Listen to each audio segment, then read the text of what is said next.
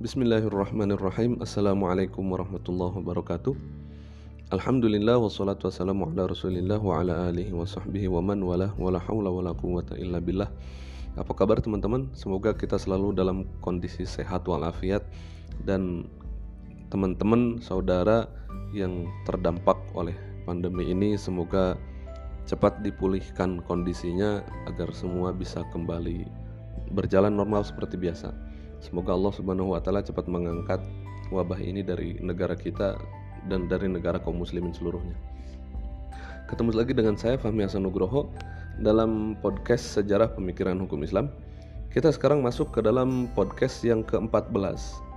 Yang akan kita bahas pada podcast kali ini adalah mengenai hukum Islam di Indonesia pasca kemerdekaan Republik Indonesia hingga masa reformasi.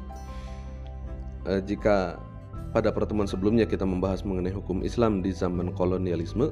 Sebelumnya lagi kita bahas mengenai hukum Islam di masa kerajaan-kerajaan Islam di Nusantara. Nah, sekarang kita membahas mengenai hukum Islam di Indonesia pasca kemerdekaan Republik Indonesia. Ada dua hal yang akan saya singgung di sini. Yang pertama adalah mengenai bentuk negara Republik Indonesia dan respon umat Islam terhadap bentuk negara ini.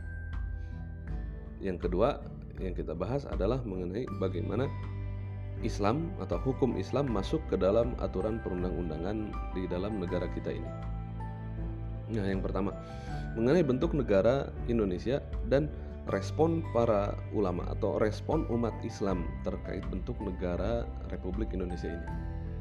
Kita kan tahu dari dulu dari semenjak Rasulullah SAW wafat itu kan umat Islam dipimpin oleh Abu Bakar, oleh seorang khalifah.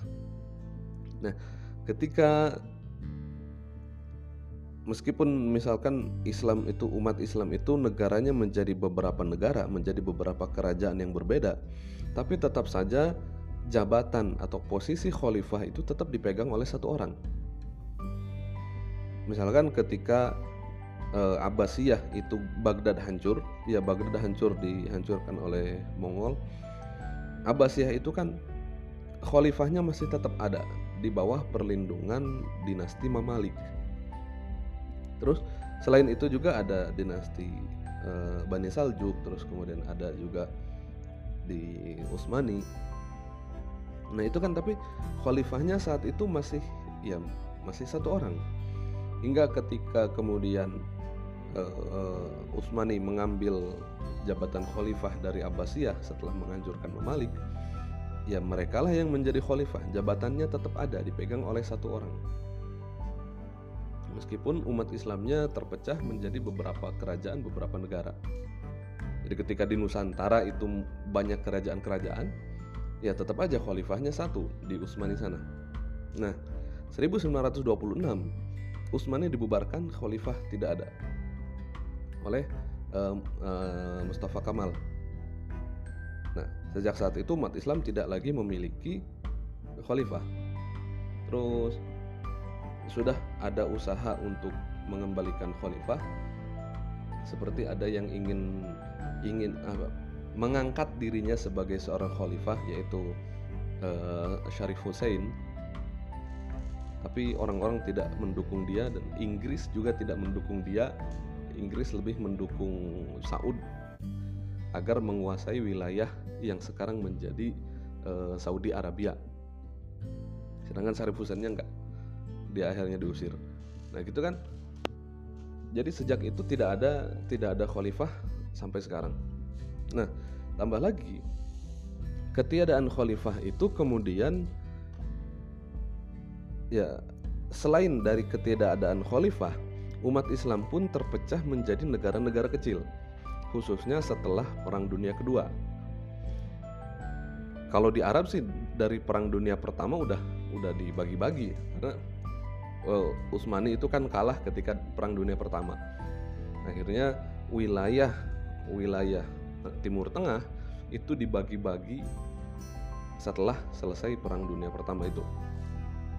Jadi sekarang ada ada Suriah, ada Palestina, ada Lebanon, terus ada Yordania, ada uh, Saudi Arabia, ada Irak. itu semua terjadi setelah setelah Perang Dunia Pertama. Kalau kita membaca sejarah setelah Perang Dunia Pertama, ya negara-negara itu baru bangkit, baru merdeka, merdeka, merdeka gitulah.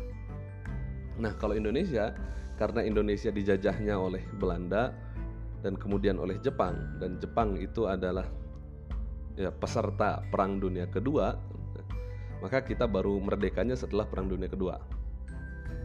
Nah, nah sekarang kita masuk ke Indonesia. 7 Desember 1944. Ketika itu Indonesia masih berada dalam jajahan Jepang. Nah, 7 Desember 1944, Jepang menjanjikan kemerdekaan kepada bangsa Indonesia. Nggak tahu apakah ini beneran atau trik doang. Ya pokoknya Jepang memberikan janji kalian akan dimerdekakan.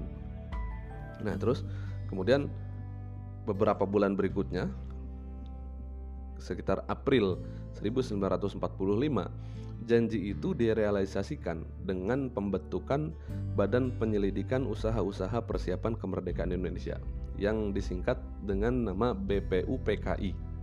Nggak usah nggak usah tersinggung ada kata PKI karena bukan Partai Komunis Indonesia. BPUPKI, Badan Penyelidik Usaha-usaha Persiapan Kemerdekaan Indonesia. Timnya terdiri dari 62 orang. Tugasnya apa? Tugas mereka adalah merancang atau membuat undang-undang dasar yang nanti akan menjadi da landasan atau dasar hukum yang dijalankan di Indonesia. Hmm, itu tugas mereka, membuat undang-undang. Yang namanya undang-undang itu kan ada pembukaan sama ada batang tubuh undang-undang. Ya, batang tubuh undang-undang dasar. Nah, sebelum mereka membahas mengenai undang-undang, mereka bahas dulu. Yang pertama adalah bentuk dasar negara ini apa. Kita dijanji nama Jepang nih, mau merdeka. Sekarang kita bahas dulu. Ini kita mau bikin negara dalam bentuk apa? Kerajaan, gitu. demokrasi, ya republik, atau apa? Landasan negaranya apa? Jadi sidang itu dimulai pada tanggal 29 Mei sampai 1 Juni selama empat hari itu terjadi perdebatan yang sengit mengenai dasar negara apa yang akan dipakai oleh Indonesia nantinya. Nah, saat itu tim terjadi eh, terbentuk menjadi dua kelompok. Yang pertama adalah kelompok nasionalis sekuler yang menginginkan Indonesia ini jangan jadi negara agama. Kita negara republik aja. Nah, Sedangkan yang satu lagi kelompok nasionalis Islam. Indonesia ini mayoritas Islam. Maka pemerintahannya harusnya menjadi negara Islam. Ya kira-kira seperti negara Islam Iran atau eh, Republik Islam Iran atau eh, Republik Islam Pakistan gitulah. Jadi ada namanya atau pokoknya landasan negaranya adalah Islam. Nah ini mereka berdebat. Selama empat hari nggak beres-beres ini akhirnya karena 62 dibagi dua terus mereka ribut semua akhirnya diambil 9 orang. Jadi dibentuklah tim yang terdiri dari 9 orang untuk mencari kesepakatan dari dua sisi yang tadi. Nah akhirnya tim 9 inilah yang yang bisa kita katakan mereka yang menjadi kunci mereka yang menjadi kunci hingga akhirnya negara kita bentuknya seperti ini sembilan orang itulah yang kemudian mencari opsi jalan tengah di antara dua sudut pandang yang tadi. Akhirnya disepakatilah, oke okay, negara kita adalah negara republik. Tapi umat Islam tetap menjalankan syariat Islamnya di negara ini. Nah, pada 22 Juni terbentuklah kesepakatan itu dengan tersusunnya apa yang dikenal dengan Piagam Jakarta. Jakarta Charter yang sekarang itu menjadi pembukaan Undang-Undang Dasar 1945 kecuali dua bagian. Yang pertama adalah bagian nama yang tadinya mukaddimah menjadi pembukaan. Lalu kemudian e, Pancasilanya yang nomor pertamanya ketuhanan dengan kewajiban menjalankan e, ketuhanan dengan kewajiban menjalankan syariat Islam untuk pemeluknya diganti menjadi ketuhanan yang Maha Esa. Itu doang perbedaan antara uh, Piagam Jakarta dengan pembukaan uh, Undang-Undang Dasar 1945.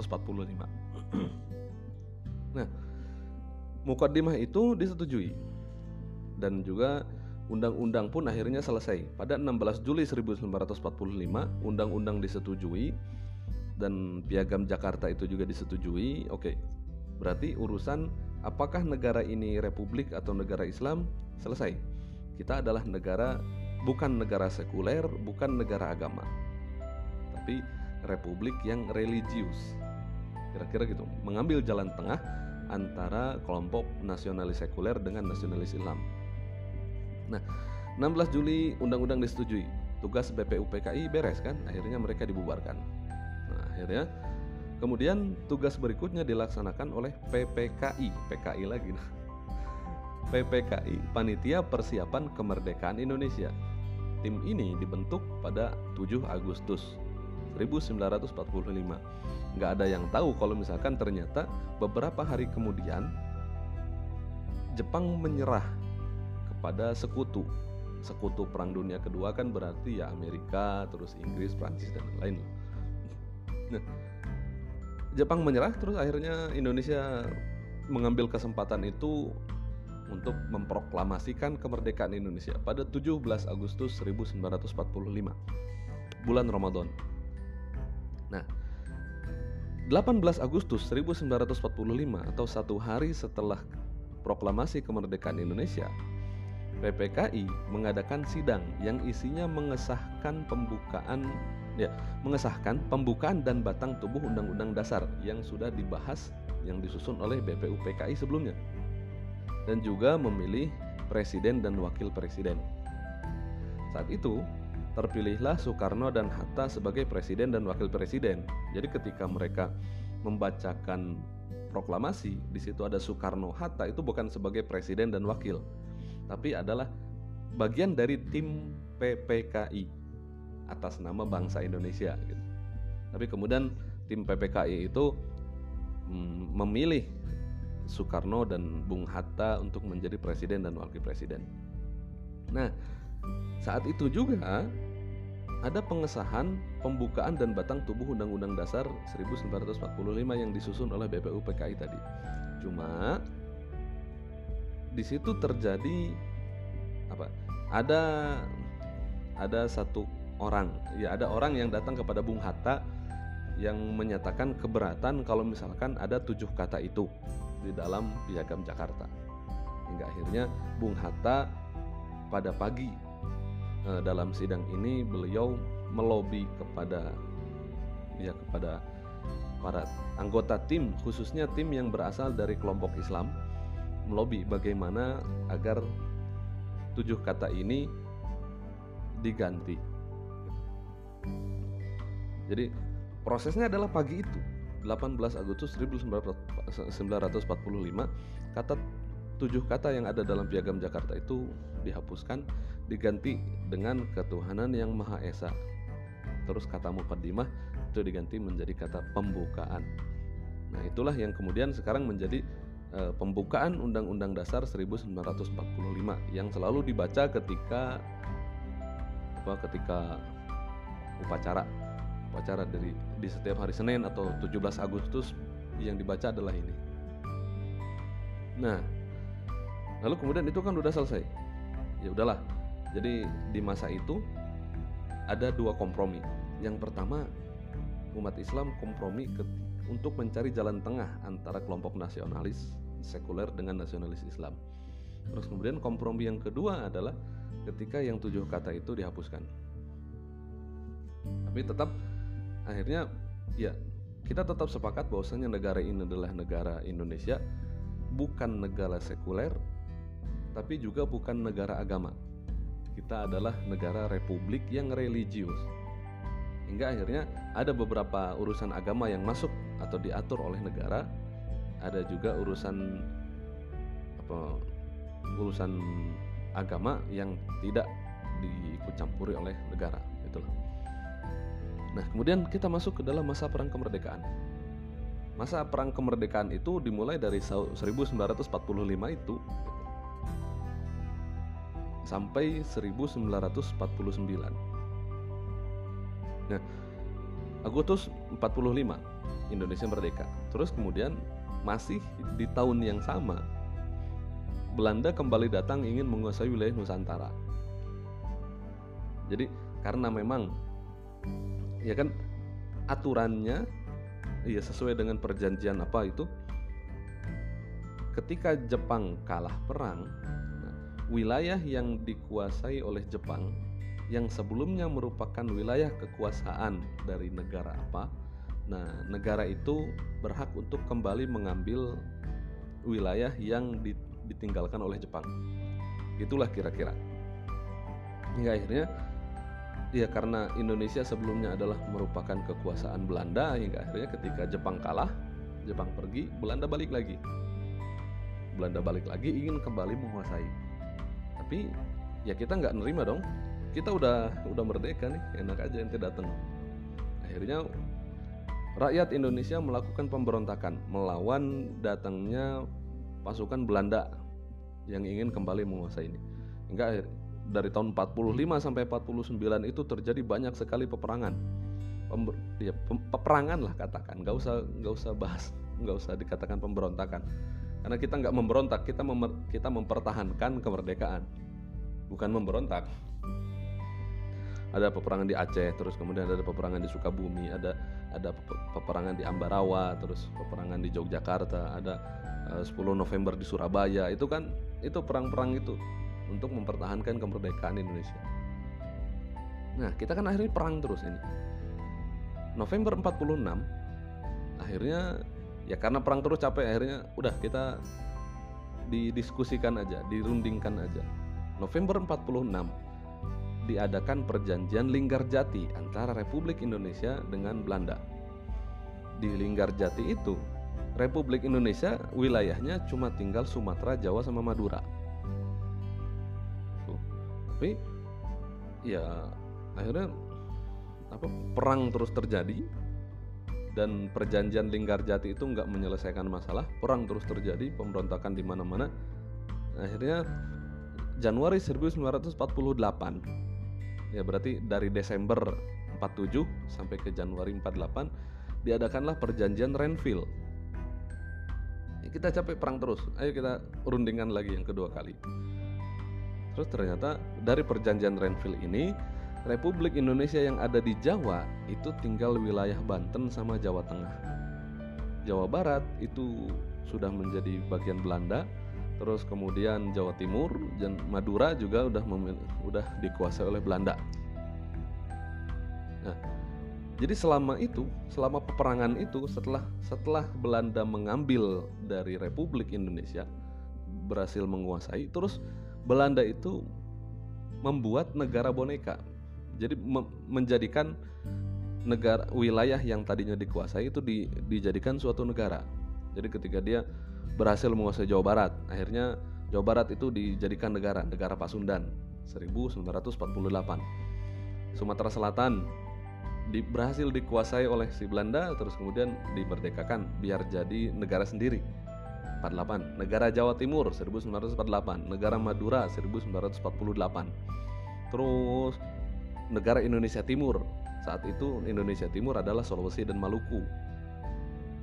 Dimerdekakan tahun 46. Negara negara Sumatera Timur yang sekarang ada di Sumatera Utara sebenarnya itu dimerdekakan tahun 1947.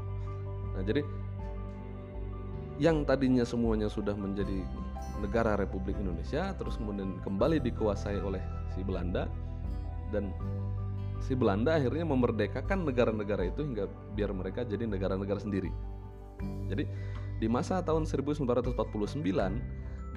wilayah Indonesia itu Sumatera aja udah nggak nggak lengkap. Sumatera nggak lengkap menjadi kekuasaan Indonesia, Jawa juga cuma Banten sama Jawa Tengah yang menjadi kekuasaan Republik Indonesia yang berada di bawah pemerintahan Soekarno dan Hatta. Sisanya mereka sudah menjadi negara-negara sendiri gara-gara si, si Belanda ini. Nah, karena dalam kondisi yang semacam ini, akhirnya diadakanlah konferensi meja bundar tahun nah, Agustus sampai November 1949.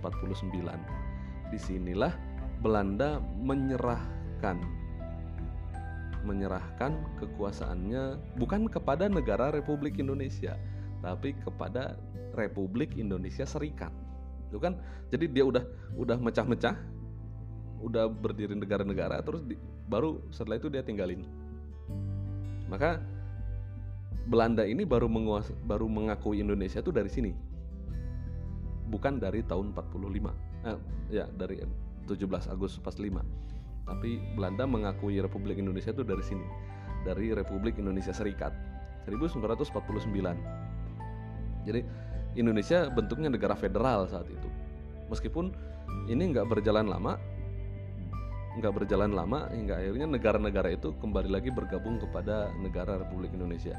Hingga akhirnya pada tahun 1950 ya mereka kembali lagi. Kembali lagi ke, ke pangkuan e, Republik Indonesia berada di bawah kepemimpinan Soekarno dan Hatta.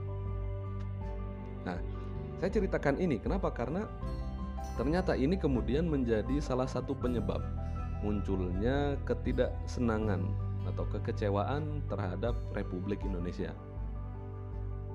Nah, bagaimana respon kelompok Islam terhadap bentuk negara Republik Indonesia ini?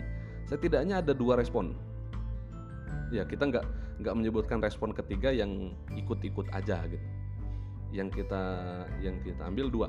Yang pertama respon yang menolak. Yang kedua respon yang menyetujui. Sedangkan yang diem-diem aja kita anggap mereka menyetujui. Nah respon kelompok Islam yang pertama adalah yang menolak. Yang menolak negara ya, Republik Indonesia ini. Ya kan tadi kita sudah ceritakan bahwasanya konflik bukan konflik perdebatan antara kelompok nasionalis religius dan juga nasionalis sekuler sudah terjadi di masa BPU PKI. Nah, kemudian sekarang ketika Indonesia pecah gara-gara Belanda tadi dipecah menjadi negara-negara. Nah, kebetulan Jawa Barat lepas dari Indonesia menjadi negara Pasundan tadi. Nah, negara Pasundan karena udah nggak berada di bawah negara Indonesia, Terus kemudian ketika setelah setelah menjadi Republik Indonesia Serikat, negara Pasundan balik lagi kepada negara Indonesia. Ada kelompok yang tidak mau kembali kepada Indonesia. Di situ diproklamasikan negara Islam Indonesia yang diproklamasikan oleh SM Kartosuwiryo di Tasikmalaya. Ya, nggak mau lagi balik ke Indonesia karena Indonesia bukan negara hukum Islam bahkan Kartosuwiryo ditawari untuk menjadi untuk menjadi menteri di Indonesia nggak mau. Nggak nggak mau karena hukumnya bukan hukum Islam. Nah itu mereka nggak eh, Kartosuwiryo mendirikan negara Islam Indonesia terus terjadi perang selama 13 tahun antara NII Kartosuwiryo dengan TNI dari tahun 1949 itu sampai beres tahun 1962. Nah, negara Islam Indonesia ini ternyata nggak cuma ada di Tasikmalaya saja, nggak cuma di Jawa Barat saja, tapi juga muncul juga apa kelompok-kelompok yang menggabungkan dirinya kepada negara Islam Indonesia ini di beberapa wilayah, seperti di, di Aceh di Aceh ada Daud Bereh 1953 September 1953 dia memproklamasikan bergabung dengan NII Daud Bereh ini sebenarnya dia adalah panglima yang menguasai wilayah Aceh ketika masa perang kemerdekaan. Tapi kemudian dia bergabung dengan uh, negara Islam Indonesia Kartosuwiryo ini. Di Aceh perang hingga tahun 1962 Terus ada juga di Kalimantan Selatan. Oktober 1950 Ibnu Hajar itu memberontak hingga tahun 1960. Eh, Amir Fatah di Jawa Tengah eh iya eh, 1950 Ibnu Hajar di Kalimantan Selatan sampai 1959 9 tahun perang antara TNI dengan eh, Ibnu Hajar kelompok Ibnu Hajar di Kalimantan Selatan 1950 Amir Fatah di Jawa Tengah bergabung dengan NII. Terus kemudian Agustus 1953 Kahar Muzakkar bergabung dengan NII dan perang hingga tahun 1965. Kahar Muzakkar ini di Sulawesi Selatan. Nah, ini ini salah satu gerakan dari kelompok Islam yang menolak untuk bergabung kepada negara Indonesia eh, kepada Republik Indonesia dan melakukan angkat senjata melawan negara Indonesia. Nah, sisa dari gerakan ini, gerakan NII apa atau diistilahkan dengan DITII. Nah, salah satu sisanya kalau NII-nya sekarang menjadi deep state, menjadi negara bawah tanah tidak muncul ke permukaan tapi gerakannya ada NII-nya sampai sekarang masih ada jaringannya masih ada. Dan ya kita tidak bisa membahas itu karena saya juga gak tahu banyak hanya tahu sampai situ saja. Nah terus benih benih-benih dari DITII ini kemudian masih muncul pada tahun 1700 eh 1970 sampai 1980 itu ada yang diistilahkan dengan gerakan komando jihad yang dilakukan oleh sisa-sisa dari anggota DITI ini seperti Aceh Kurnia, Ismail Pranoto dan M Hasan dan yang lain. Nah, itu tahun 70 sampai 80. Tahun 80 sampai 90 yang menjadi apa ya? Yang menjadi tokoh utamanya adalah Abu Bakar Ba'asyir dan Abdullah Sungkar dengan jamaah Islamiyah. Nah awalnya mereka di Indonesia, terus kemudian Abdul uh, uh, ditangkap dan dipenjara karena hmm, apa? Karena tuduhannya adalah menghasut untuk tidak taat kepada Indonesia, hormat bendera adalah syirik dan sebagainya. Tapi kemudian uh, mereka mengajukan kasasi, terus kemudian diubah menjadi tahanan kota, tapi mereka akhirnya kabur ke Malaysia. Nah, di Malaysia itulah membuat jaringan yang kemudian dinamai dengan Jemaah Islamiyah. Nah, 80 sampai 90 itu ketika mereka di Malaysia, mereka mem memfasilitasi, memobilisasi mujahidin untuk pergi ke Afghanistan.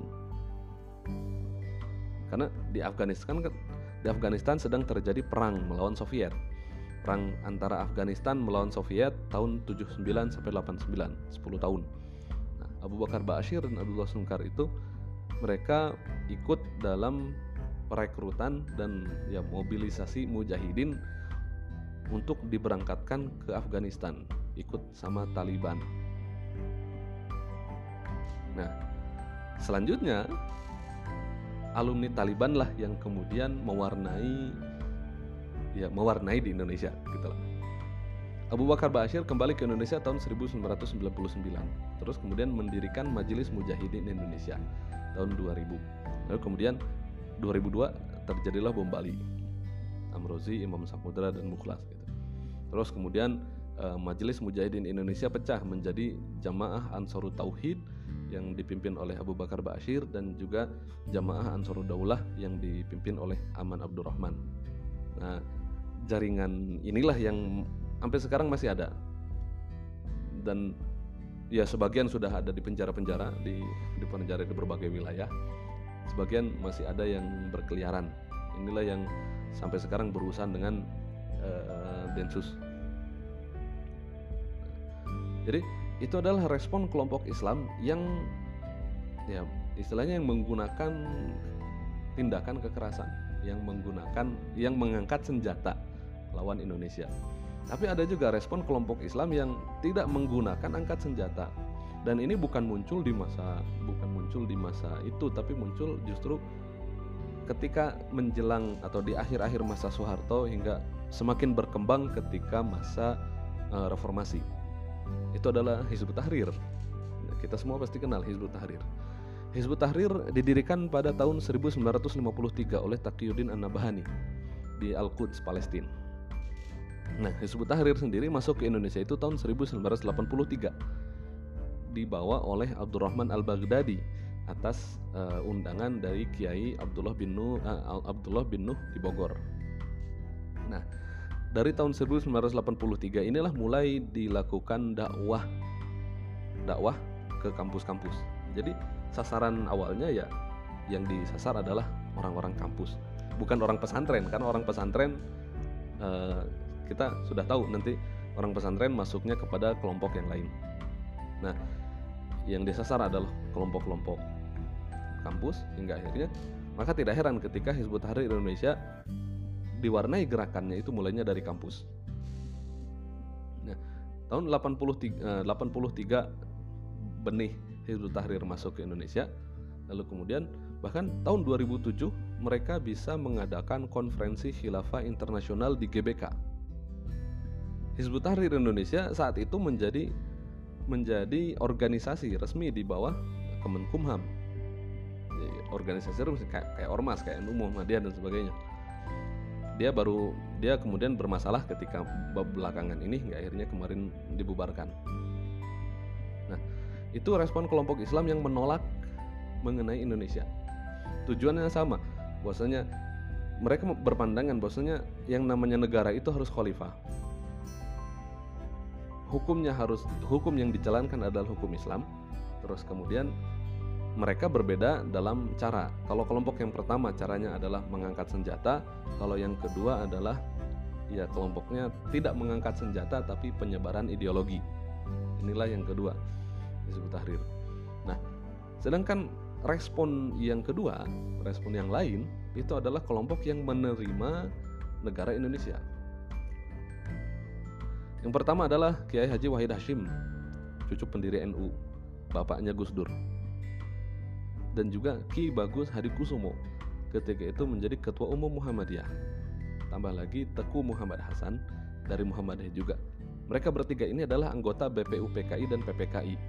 Nah, berarti kan adanya orang NU, adanya orang Muhammadiyah di dalam BPU PKI dan PPKI berarti menunjukkan bahwasanya ya ormas itu menerima apa yang menjadi kesepakatan ini karena mereka ikut berkecimpung dalam pembentukan negara ini.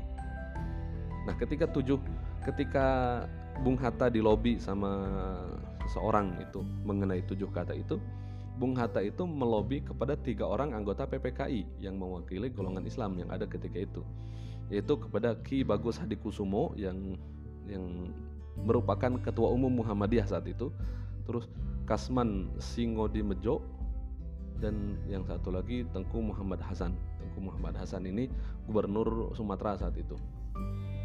Nah, mereka uh, Bung Hatta ini melobi kepada mereka untuk mengubah tujuh kata piagam Jakarta untuk sebelum disahkan menjadi pembukaan Undang-Undang 1945.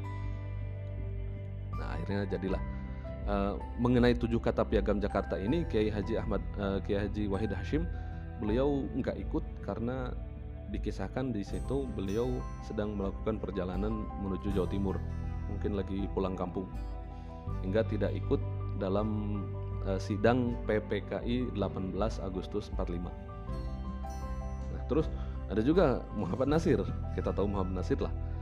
Beliau adalah Ketua Umum Masyumi. Beliau adalah uh, Perdana Menteri Indonesia yang kelima ketika masih ada Perdana Menterinya. Nah, beliau merupakan murid dari Ahmad Hasan, Ustadz Ahmad Hasan Persis. Nah, udah kan berarti ya ya NU yang Muhammadiyah ya Persi ya ikut ke situ. Tambah lagi Masyumi itu adalah eh, federal federasi dari beberapa ormas Islam. Jadi kekuatan Islam saat itu yang ada adalah Masyumi. Sebelum kemudian nanti di masa Soekarno Masyumi terpecah menjadi beberapa ya NU memecahkan diri terus Muhammadiyah juga memecahkan diri gitulah.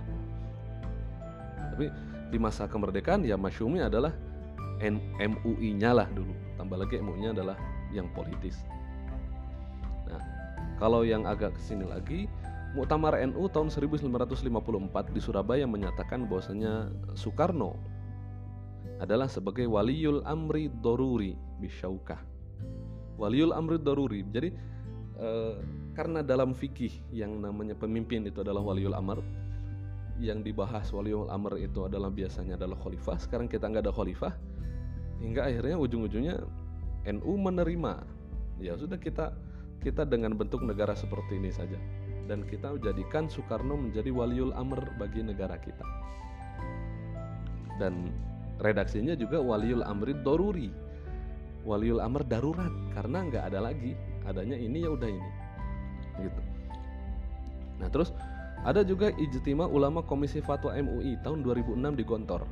Saat itu saya kelas 5 KMI saya tahu ada acara ada acara MUI di situ cuma nggak tahu ini acara apa belakangan ketika udah kuliah udah ngerti banyak hal baru tahu oh ternyata perkumpulan yang terjadi saat itu adalah eh, salah satunya membahas mengenai penegasan eksistensi NKRI sebagai ikhtiar final bangsa Indonesia. Jadi kalau antum antum bisa silahkan cari hasil istimewa ulama Komisi Fatwa MUI 2006 di Gontor. Ada teksnya di situ yang menyatakan bahwasanya NKRI ini adalah usaha final bangsa Indonesia. Terus kita harus mentaati pemimpinnya terus kita tidak boleh uh, mem, apa, memberontak Pem, setiap usaha pemberontakan adalah bugot yang boleh diperangi mungkin karena konteks konteks tahun 2006 itu saat itu muncul apa ya kan uh, setelah reformasi muncul gerakan-gerakan Islam yang ingin memisahkan diri dari Indonesia terus Tambah lagi ada Muktamar Muhammadiyah di Makassar tahun 2015 menegaskan kembali NKRI sebagai Darul Ahdi wa Syahadah. Jadi ada ulama yang menolak bentuk negara ini, ada ulama yang menerima bentuk negara ini. Oh, panjang ternyata kita cuma bahas ini doang ya. Nah, sekarang kita masuk ke dalam bagian kedua, yaitu tentang hukum Islam dan aturan perundang-undangan di Indonesia. Jika kita ambil definisi umum dari hukum Islam, hukum Islam sebagaimana yang kita bahas dulu di di podcast pertama. Maka ketika dibahas hukum Islam berarti di dalamnya adalah ibadah dan muamalah. Cuma kan urusan ibadah ya urusan ibadah lah urusan pribadi. Jadi perkara ibadah tidak banyak melibatkan pemerintah kecuali dalam sejumlah hal yang memang membutuhkan bantuan pemerintah untuk pelaksanaannya seperti ibadah haji dan penentuan awal bulan.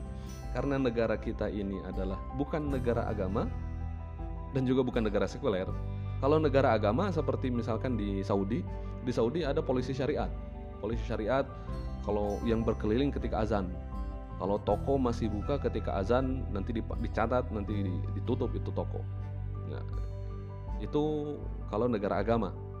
Kita bukan negara agama hingga akhirnya urusan ibadah yang tidak membutuhkan bantuan pemerintah dalam pelaksanaannya ya udah itu urusan masing-masing. Tapi kalau misalkan butuh bantuan pemerintah, contoh ribut masjid, hingga akhirnya ada ya ada aturannya dalam pembangun rumah ibadah. Rumah ibadah jangankan rumah ibadah beda agama. Rumah ibadah beda ormas saja kadang-kadang bisa ribut. Wilayah itu orangnya NU semua, Muhammadiyah ingin bangun, orang ribut. Di situ orang Muhammadiyah semua, NU mau bangun masjid ya ribut juga. Nah, di situ pemerintah harus turun tangan untuk menyelesaikan perkara ini. Tapi urusan detail ibadah tentang rukun sholat dan itu urusan masing-masing. Nah, itu dalam masalah ibadah. Tapi kalau dalam masalah muamalah, inilah yang kemudian menjadi pembahasan. Muamalah itu kan terbagi menjadi dua. Muamalah ada hukum perdata dan ada hukum publik. Hukum perdata itu yang yang mengatur hak-hak pribadi ya antar pribadi muslim. Kalau hukum publik itu adalah yang mengatur hubungan manusia dengan negara. kalau yang termasuk hukum perdata, nanti ada ahwal syaksiyah dan muamalah maliyah. Ahwal syaksiyah eh, pernikahan, cerai, terus kemudian ya itu itu sudah masuk ke dalam apa eh, dalam peradilan agama. Dan juga muamalah maliyah sekarang ekonomi syariah di Indonesia sudah sudah jauh berkembang lebih ya lebih luar biasa dari ketika awal tahun 1999 masih seperti itu didirikan Bank Muamalat. Ya masih gitu-gitu doang tapi sekarang sudah luar biasa. Itu dalam perkara uh, ekonomi syariah nah hukum itu yang yang masuk dalam hukum perdata awal syariah ada muamalah maliyah Nah, yang lain adalah hukum publik. Yang termasuk hukum publik itu apa? Siasah syariah. Apa ya tadi bentuk negara, ya tentang kepemimpinan, yang tentang tentang struktur pemerintahan di dalam negara itu siasah syariah. Terus kemudian uh, jinayat, terus kemudian ada siar. Siar itu hubungan negara, hubungan antar negara, perang atau damai. Terus kemudian ada kodo. Nah, kalau tadi hukum perdata itu sudah bisa dikatakan mayoritas sudah masuk ke dalam ke dalam hukum perundang-undangan di Indonesia. Sedangkan dalam hukum publik hukum publik akhirnya mencampurkan antara hukum syariat dengan hukum non syariat. Nah, dalam aturan dalam peraturan perundang-undangan di Indonesia ada kita bisa mengklasifikasikan menjadi dua. Yang pertama ada yang menyerap materi atau norma dari hukum Islam. Jadi menyerap materinya saja, bukan bukan isinya plek gitu, tapi ya diambil nafasnya saja. Dan yang kedua adalah ada yang khusus berasal dari hukum Islam dan mengatur kepentingan umat Islam. Nah, ini yang kedua. Kalau yang pertama, aturan perundang-undangan yang menyerap materi atau norma dari hukum Islam itu ada seperti Undang-Undang Pokok Agraria, Undang-Undang Nomor 5 Tahun 1960, Junto Peraturan Pemerintah Nomor 28 Tahun 1977. Ada juga Undang-Undang Perkawinan, Undang-Undang Nomor 1 Tahun 100 eh, tahun 1974, Junto Peraturan Pemerintah Nomor 9 Tahun 1975 dan Peraturan Menteri Agama Nomor 3 Tahun 75 dan Nomor 4 Tahun 75. Itu seba, uh, materinya sebagian berasal dari umat Islam, dari hukum Islam, tapi juga dicampurkan dengan dengan pertimbangan-pertimbangan yang lain hingga akhirnya isinya tidak murni. Beda lagi kalau misalkan uh, kompilasi hukum Islam. Kalau itu tahun 89 hukum Islam, uh, kompilasi hukum Islam itu udah emang umat Islam yang bikin. Terus ada undang-undang kekuasaan kehakiman, undang-undang nomor 14 tahun 70, JIS Undang-Undang Darurat nomor 1 tahun 51, PP nomor 45 tahun 57, Undang-Undang nomor 14 tahun 85. Ada juga Undang-Undang Pokok Kejaksaan, Undang-Undang nomor 15 tahun 61. Ada juga Undang-Undang Pokok Kepolisian Negara, Undang-Undang nomor 13 tahun 61. Ada Undang-Undang Nikah Talak Rujuk, Undang-Undang Nomor 22 Tahun 46, Junto Undang-Undang Nomor 32 Tahun 54. Terus ada Undang-Undang Narkotika. Undang-Undang Nomor 35 Tahun 2009, ada juga Undang-Undang Perlindungan Anak. Undang-Undang Nomor 35 Tahun 2014 sebagai perubahan atas Undang-Undang Nomor 23 Tahun 2002. Nah, ini oh ya khususnya kayak narkotika dan perlindungan anak itu kan sangat kelihatan sekali nafas Islamnya. Pertama, narkotika di dalam Islam diharamkan, terus kemudian itu apa? Ruh itu, nafas itu kemudian dimanifestasikan dalam undang-undang narkotika.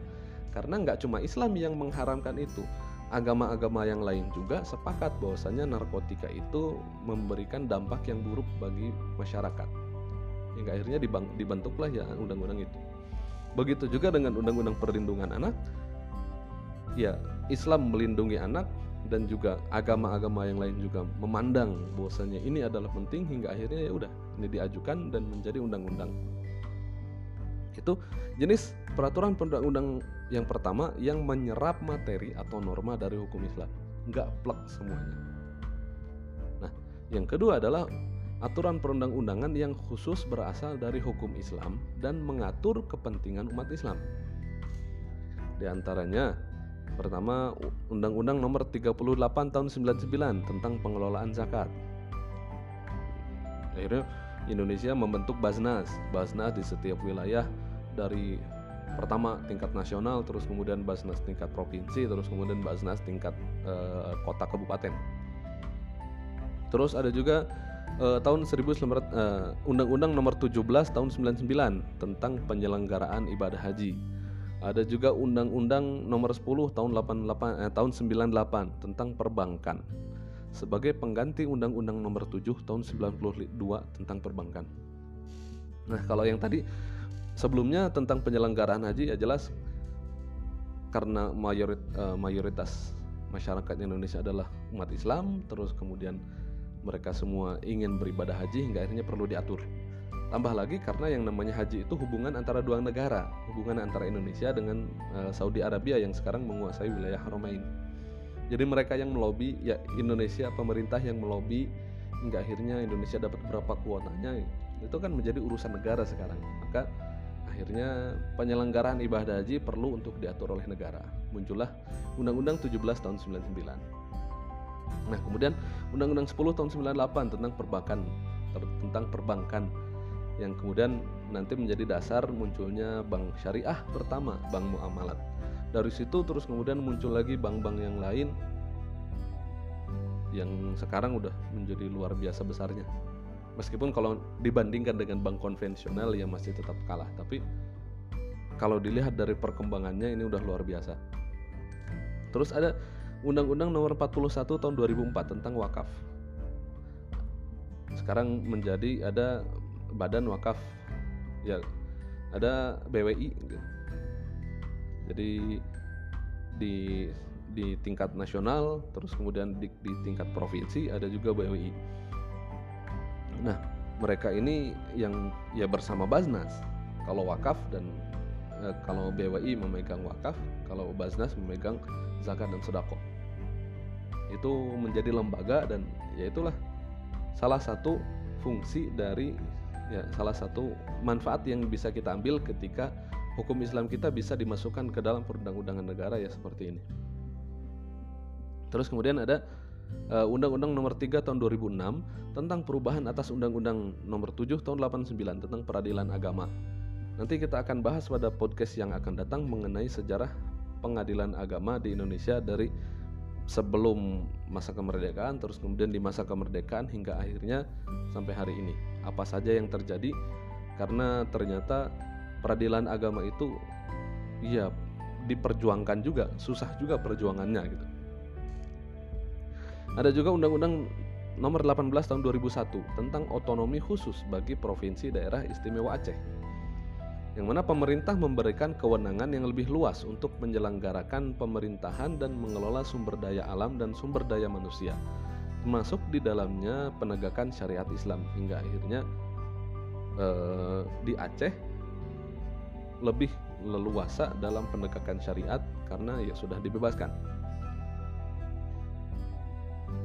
Terus ada juga Undang-Undang Nomor 13 Tahun 2008 tentang penyelenggaraan ibadah haji sebagai pengganti Undang-Undang Nomor 17 Tahun 99. Ada juga Undang-Undang Nomor 21 Tahun 2008 tentang hukum perbankan syariah. Ada juga Undang-Undang Nomor 8 Nomor 19 Tahun 2008 tentang surat berharga.